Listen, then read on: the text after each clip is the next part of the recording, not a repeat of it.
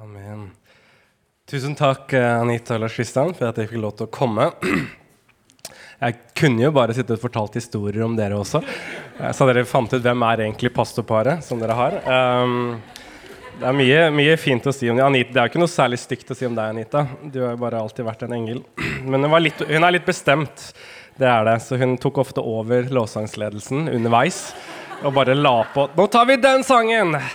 Og så fortsatte vi, så jeg hadde til slutt så manna meg opp en gang og sa at Anita, jeg tror det er jeg som var lovsangslederen, så det hadde vært hyggelig om jeg, jeg fikk også bestemme hvilke sanger vi skulle ha. Og så stakk det hjertet. Helligånd traff henne hardt og tydelig, så hun kom ydmykt tilbake. Og sånn har vi holdt på. Så jeg og Anita vi har spilt faktisk mye sammen, hatt mange hyggelige stunder sammen.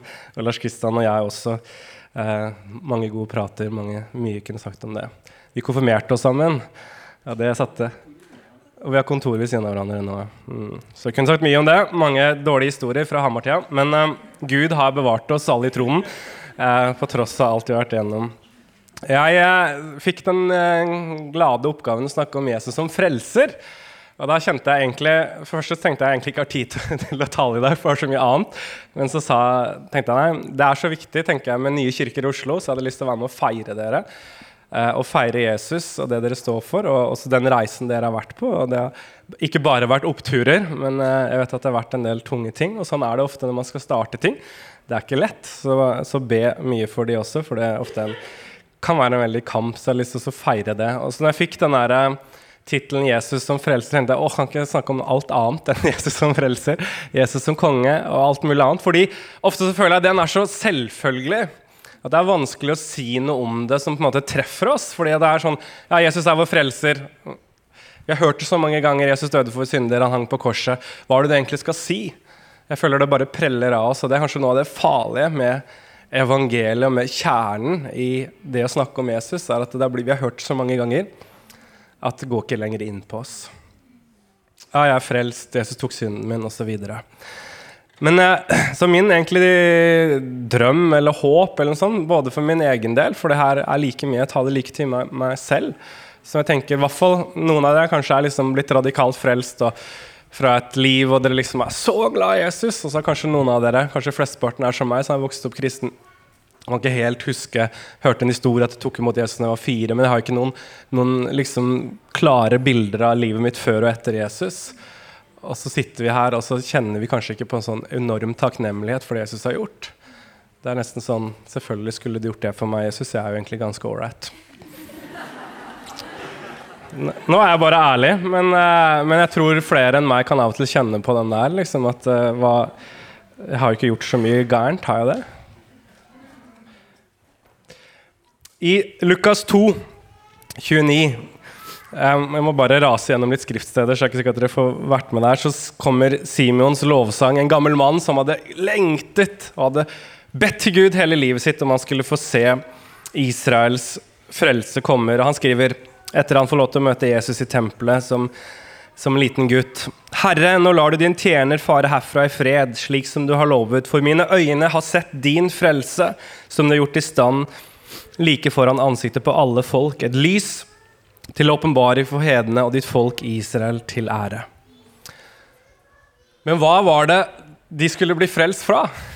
Hva var det, tror du, jødene som gikk og bærte på denne Messias-lengselen, hva var det de så for seg?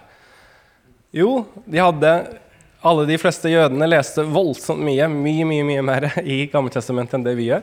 Så en oppfordring til det. De fleste guttene kunne dem på rams, og jentene kunne iallfall salmen og femte Mosebok osv. For de var lovsangsledere i hjemmene. Så de kunne veldig mye. Og den store frelsesfortellingen i Gammeltestamentet, som gjengår gjennom hele veien, det er eh, utfrielsen fra Egypt. Israels historie var jo startet med at de var slaver under farao. Farao var på mange måter Satan selv, etter hvert når den teologien kom. For han hadde en, blant annet en slange, kobraslange, som minnet om slangen i hagen osv. Og, så og han undertrykte Guds folk. De var slavearbeidere. Og så er det den store frigjørelsen når de kommer ut.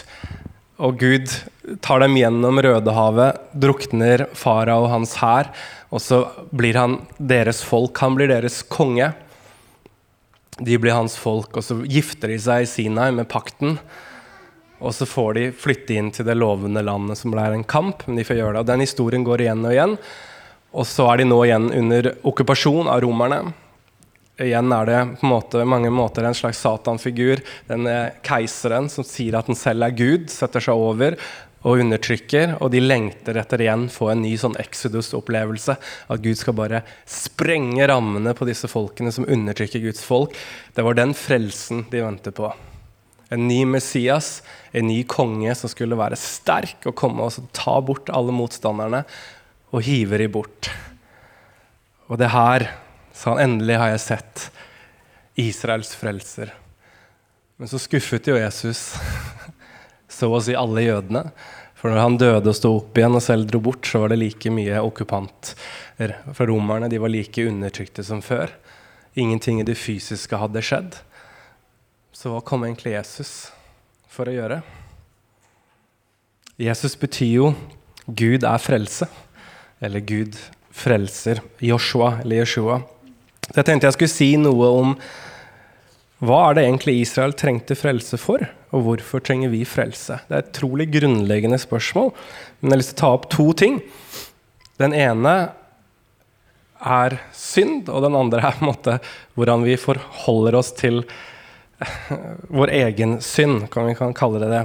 Prøve å dele det i to ting. Og de som var på bibelkveld, så blir det litt repetisjon.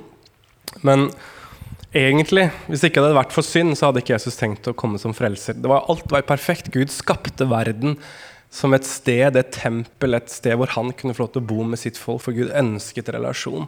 Så skapte han det. Jeg synes det er Noe av det fineste måten å tenke på skapelsen er sånn nesting story. Altså Når du får barn, så elsker du bare male rommet. Du kjøper inn den. Er det liksom gutt, så er det blåfarge, kanskje, og så rosa på jentene. Så, så, så liksom stacker man noe klær. Jo, alt klart! Så når babyen kommer, så er det fantastisk. Sånn tenker jeg på skapelsen. Gud liksom ordna alt til. Ordna så det var godt. Det var kjempegodt, sa han. Og så fikk mennesker komme inn, så skulle vi ha den fantastiske fellesskapet. Vi skulle ha et hjem sammen. Dette universet skulle være hjem for Gud og oss. Og egentlig hadde det ikke vært for kapittel 3, så kunne vi bare hoppet til kapittel 21 i Johannes' åpenbaring. og himmelen og jorden igjen skulle komme sammen. Så hele bibelshistorien er pga. kapittel 3. Ellers kunne vi bare hoppet over. Og Derfor tror jeg det er et eller annet viktig i kapittel 3 som vi må forstå. Så hvis dere blar med meg til Mose, eh, ikke tredje Mosebok, første Mosebok kapittel 3, skal vi ikke lese alt sånn hele veien. Men dere kjenner jo den historien her godt. De kommer, og Gud har laget en hage. De, mange tenker at det her er liksom selve tempelet hvor Gud bor. At det er et bilde Alle andre templer og tabernakler ble laget ofte med utgangspunkt i Edens hage. De kaller tabernakelet et bærebar Eden. Eden var der Gud bor, og så hadde de en hage, det ofte var det i gamle dager. At man hadde sånne templerhager, og at Adam og Eva var prester. Så de var satt for å både jobbe og dyrke og passe på hagen, men også være liksom mellommennesker mellom de andre menneskene og Gud. Derfor mange tenker det. De skulle vokte, altså passes på. og Blant annet skulle de passe på at ikke uvedkommende kom seg inn. Men her var det altså en slange som kom og var listere enn noen andre av dyrene. Og Så kommer han inn, og så har de fått beskjed om dere kan spise alt. Utenom det ene treet om kunnskapen om godt og ondt. Og så kommer slangen, og så sier han i ordene Har Gud virkelig sagt? Ja, men nei, nei, nei, dere kommer ikke til å dø. Men Gud vet at hvis du spiser det, så kommer dere til å bli som han. Hva er det her? Hva er det Satan gjør? Hva er det som er syndens rot? Jeg kunne gjerne gått enda mer i detalj her for å få det, men det her er at det han prøver å så inn, det er en løgn om at Gud ikke er god. Har Gud virkelig sagt? Altså, Hvis du vil oppnå ditt potensial, hvis du virkelig vil få maks ut av livet, hvis du vil få alle høydene i livet, så må du bryte med det Guds løfter og Guds bud og Guds retning for livet ditt. Fordi han skjuler det aller, aller beste for deg. Timothy Keller som er tatt her, han hadde en historie til Sinclair, en annen eh, teolog, som sa at eh, hjertet vårt etter syndefallet det er som følgende disse tankene vi har om Gud. Det er en far som tar med sønnen sin. Det er jul. Han sier 'Sønnen min, bli med til en lekebutikk'. Og Så tar han med til lekebutikk, så går han, og så går han i en svær lekebutikk. Og Så ser han plutselig en lek, og sier 'Vil du ha den?' Og så sier gutten 'Ja, jeg vil ha den'. Så går han videre. 'Vil du ha den?' 'Ja, den kan få det!' 'Wow, kan jeg få den?' Og så går de gjennom hele lekebutikken, og når de er ferdig, så sier faren jeg ville bare at du skulle se alt du ikke kan få. La oss gå hjem og feire jul. Og så sa han sånn tror alle om Gud. Egentlig. Sant, ikke sant? Men jeg tror vi ofte tror for godt om hva vi tror om Gud. For vi har hele tida lært Gud er god, Gud er god, Gud er god. Men hvis du lukker øynene, hva er det første du tenker på Gud da? Om Jesus? Jeg har gjort den øvelsen så mange ganger med mennesker, og så sier vi 'Gud er nådig, Gud er barmhjertig'. Så får jeg bare sånne lange remser. Jeg tror opp i 40-50 fantastiske ord. Og så spør jeg akkurat de samme unge voksne, sånn som deres alder skjer. Nå lukker vi øynene, og så bare Vær helt ærlig med deg selv. Når jeg sier Gud nå, hva kommer? Distansert, borte, fraværende. Og så tenker jeg at hjertets teologi og hodets teologi er ganske langt fra hverandre. Og den løgnen har blitt sådd der, og den er fortsatt Har Gud virkelig sagt? Ja, ja, men det er, ikke, det er, ikke, det Og hva er det det fører til? Jo, hva er løgnen fører til? Gud vil egentlig ikke det beste for deg. Gud er ikke god. So you're on your own. Du er egentlig alene. Du må passe på deg selv. Du må ordne deg selv. Og det fører vi inn til hva er egentlig synd? Jo, på en måte er det at du har brutt en lov. Gud sa noe, du gjorde ikke noe. Men hva er det dypere? Du har tatt Guds plass. Jeg har tatt Guds plass. Fordi roten av at Gud er ikke god, så jeg, jeg, I'm on my own. jeg må klare meg selv.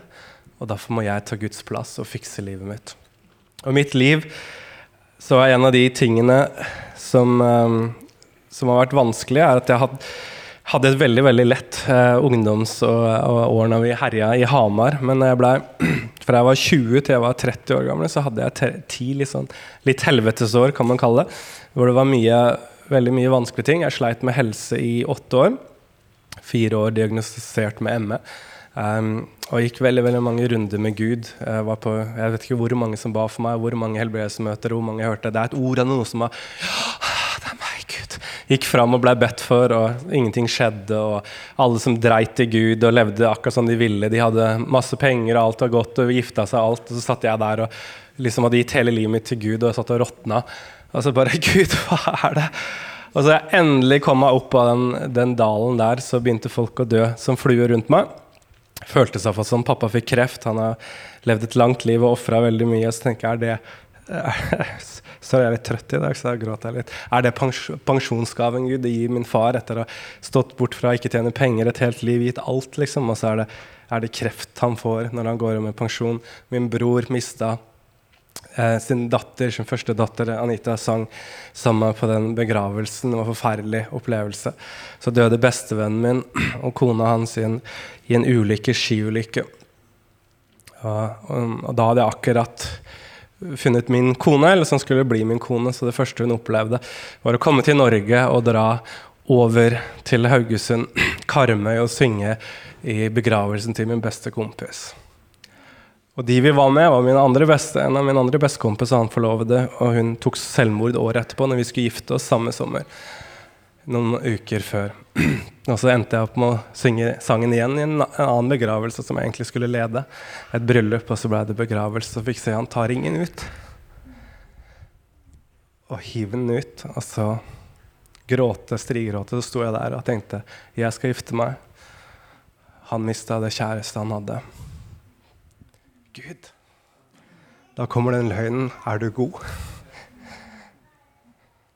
You're on your own. Du må klare deg selv. Og så skjedde det noe i meg som jeg ikke liksom intellektuelt klarte å bare det var ikke sånn, Jeg vil ikke tro på deg lenger, Gud, men det var et eller annet, ja, men jeg klarer ikke å tro at du er så god. Jeg hadde den naive, enkle barnetroen at Gud er alltid med meg. Og så har jeg siden jeg var 30 år til jeg nå er 40 neste år, så har det vært en kamp tilbake. Og jeg har fått et rikere, tror jeg, et større bredde i mitt liv på å tenke og stole på Gud. Men den løgnen altså, den er ikke så lett. Den sniker seg fort inn. Den sniker seg fort inn. Og en av de som var med å drive den løgnen tilbake, var faktisk dere, Anita Larsen.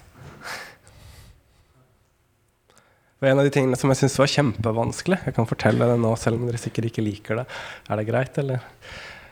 Så, så var det at det å stole på Gud er vanskelig. Så sa Gud start ungdom i oppdrag, start er ting. Skal jeg gjøre det? Jeg vokste opp i det. Og en av de tingene da var at, jeg, at vi lever uten lønn. Og så hadde jeg fått ordna litt ting, og så så jeg på budsjettet. Vi skulle, det var et par uker til vi skulle begynne, jeg mangla 10 000 i måneden. Så tenkte jeg Gud, jeg har ikke så stor tro til deg. Beklager, altså, men jeg tror ikke du kan komme til å gi oss random 10 000 hver måned fram til jul. Det er fem måneder, det er 50 000. Alt det her som har skjedd, Gud, den løgnen har satt seg fast. Jeg sliter med å tro du må gjøre et eller annet.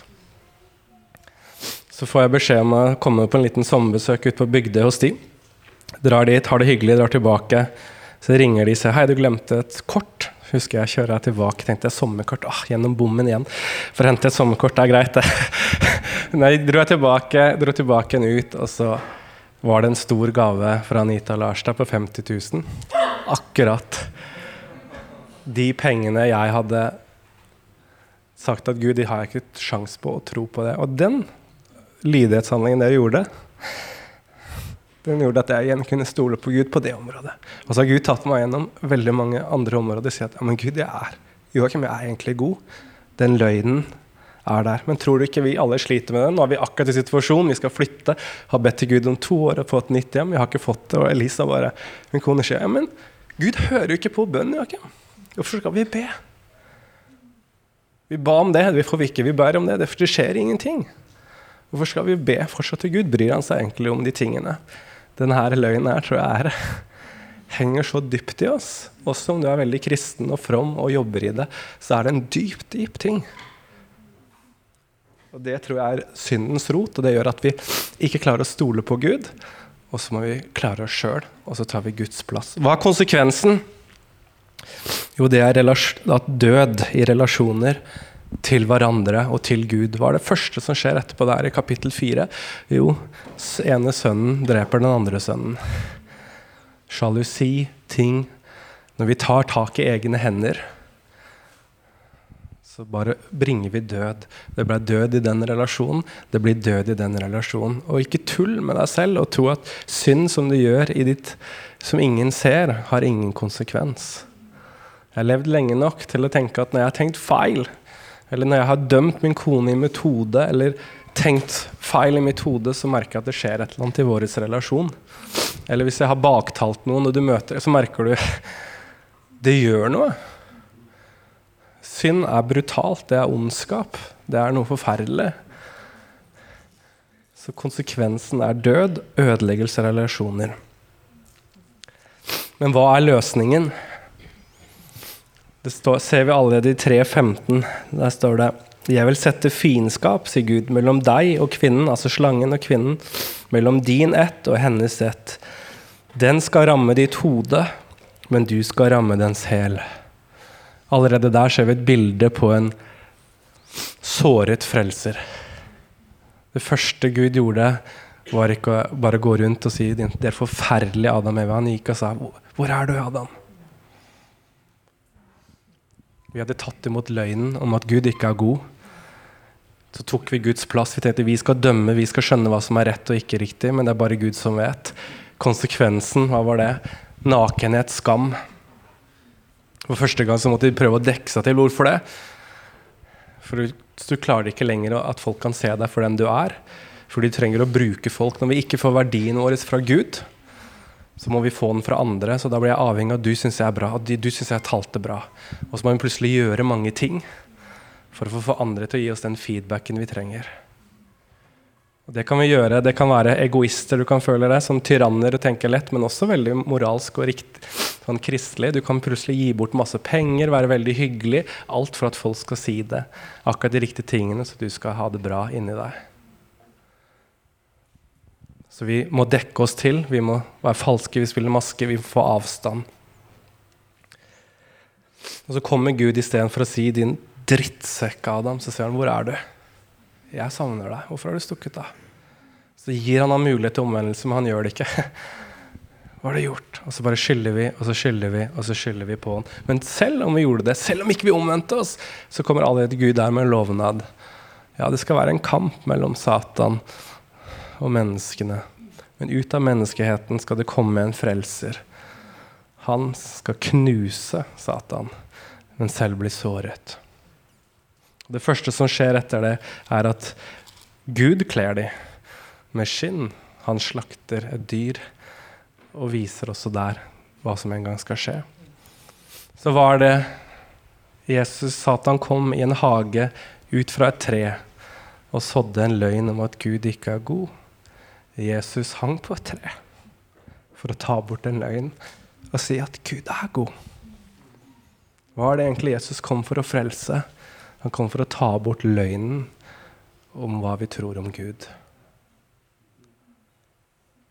Det tror jeg er en av de hovedtingene Jesus gjorde. For det er den løgnen som gjør at vi vil synde, som gjør at vi blir i synd. Og Jesus selvfølgelig tok vår synd. For hva er det vi gjorde? Hva er synd? Det er at vi tar Guds plass. Så hva er evangeliet? at Gud tok vår plass. Så enkelt.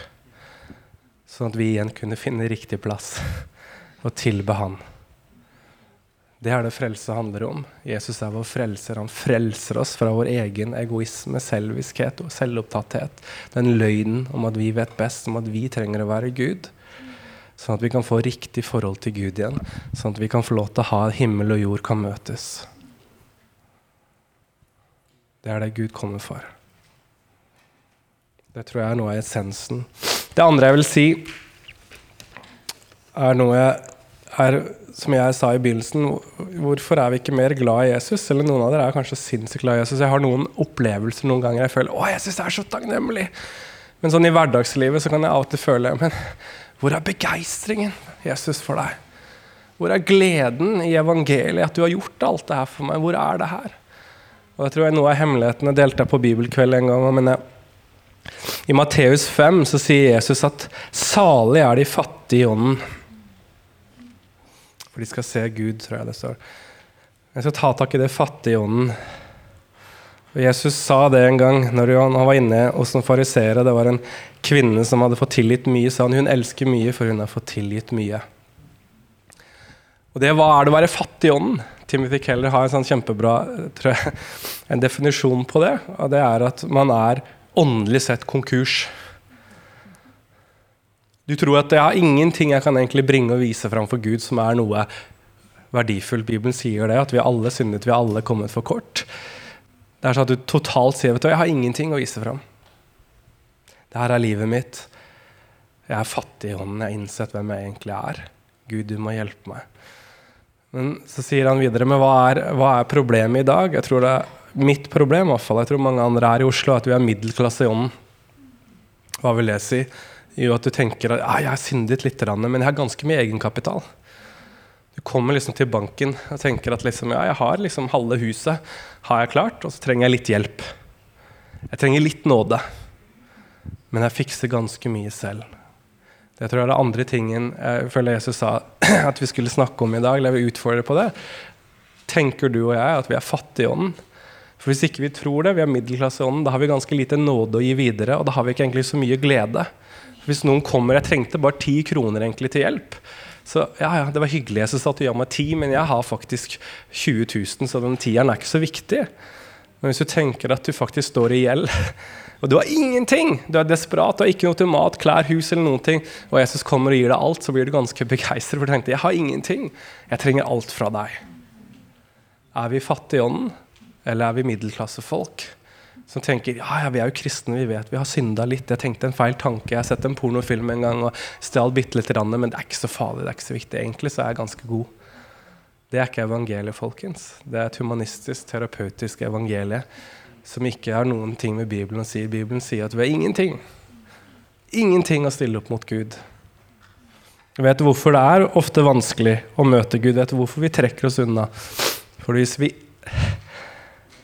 har syndet, så trenger vi å stå på egne meritter. Det er som hvis verdiene ligger at du er den peneste i klassen, så er det verste du kan gjøre, er å møte en som er ti ganger penere, for da ryker alt.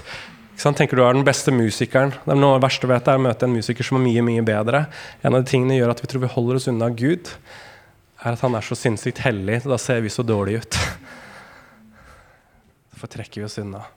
Men det er det vi trenger. Vi trenger et møte med Gud. Og når Peter skjønte hvem Jesus var, hva sa han da? Vik fra meg, for jeg er en syndig mann. Tenk det var det første reaksjonen hans. Jeg er fattig i ånden, Gud. Jeg trodde jeg var middelklasse, jeg kunne så mye Bibel, jeg hadde masse ting på stell. Men når jeg møtte deg og ser deg, så skjønte jeg at jeg er fattig i ånden. Så de to tingene slutter jeg nå. Én, Jesus frelste oss fra synd. Hva er synd? Først og fremst tenker jeg det at vi tar Guds plass fordi vi tror ikke at Gud er god. Og Det linker jo inn med det du sa. Ikke sant? Tror vi egentlig at Gud er det? Jeg tror den, den er den hardeste kampen du og jeg har. Og den tror jeg vi kommer til å ha til vi dør. Og når da alt annet skriker mot deg, Gud er ikke god, så er det, trenger man hjelp til bare Gud, du er god. Jeg må bare velge det. Ditt ord er sannere enn alt jeg ser. Og nummer to innser vi at vi er fattige i ånden. Innser vi vår egen synd og skyld og skam. Så folkens, ikke driv oss og bagatelliser synden din. Det er så lett. Jeg gjorde bare litt. Vær ærlig, bekjenn brutalt det man har gjort. Det er synd, for da vil du også skjønne at du trenger mye nåde. Jesus, takk for at du kom som vår frelser. Vi har hørt det, vi har hørt det så mange ganger jeg har hørt så mange ganger at jeg, det går ofte nesten ikke inn på meg lenger. Ja, du hang deg på et kors, ja, greit, men vi, vi glemmer hva du gikk gjennom, Gud. Du som hadde alt, kom ned til en utrolig utakknemlig gjeng som trodde de vet best. Som var null peiling, som spyttet og hånte deg og slo deg. At du orka, Gud, å gå gjennom og bli piska gang etter gang for en gjeng som bare dret fullstendig i deg. Til du bare hengte opp på et kors og spikra smerten for gjennom kroppen din. Og du visste at de fleste kommer antakeligvis ikke til noen gang å akseptere sannheten om seg selv og sannheten om deg. Enorm kjærlighet. Enorm nåde du viste oss. Så er det så lett at det bare går inn i øret og ut det andre. Men Gud, i dag i denne litt rotete preken av en litt sliten fyr.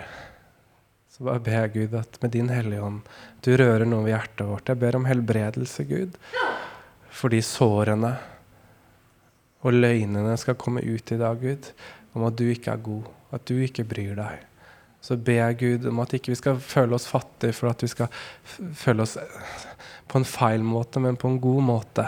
Innse Gud vår egen tilkortkommenhet og hvor totalt avhengige vi er der. For uten at vi er fattige i ånd, så vil vi ikke se deg, Gud, for det du er. Å, Jesus. Nå skal vi ha nattverd. Vil du lede den? Tusen takk.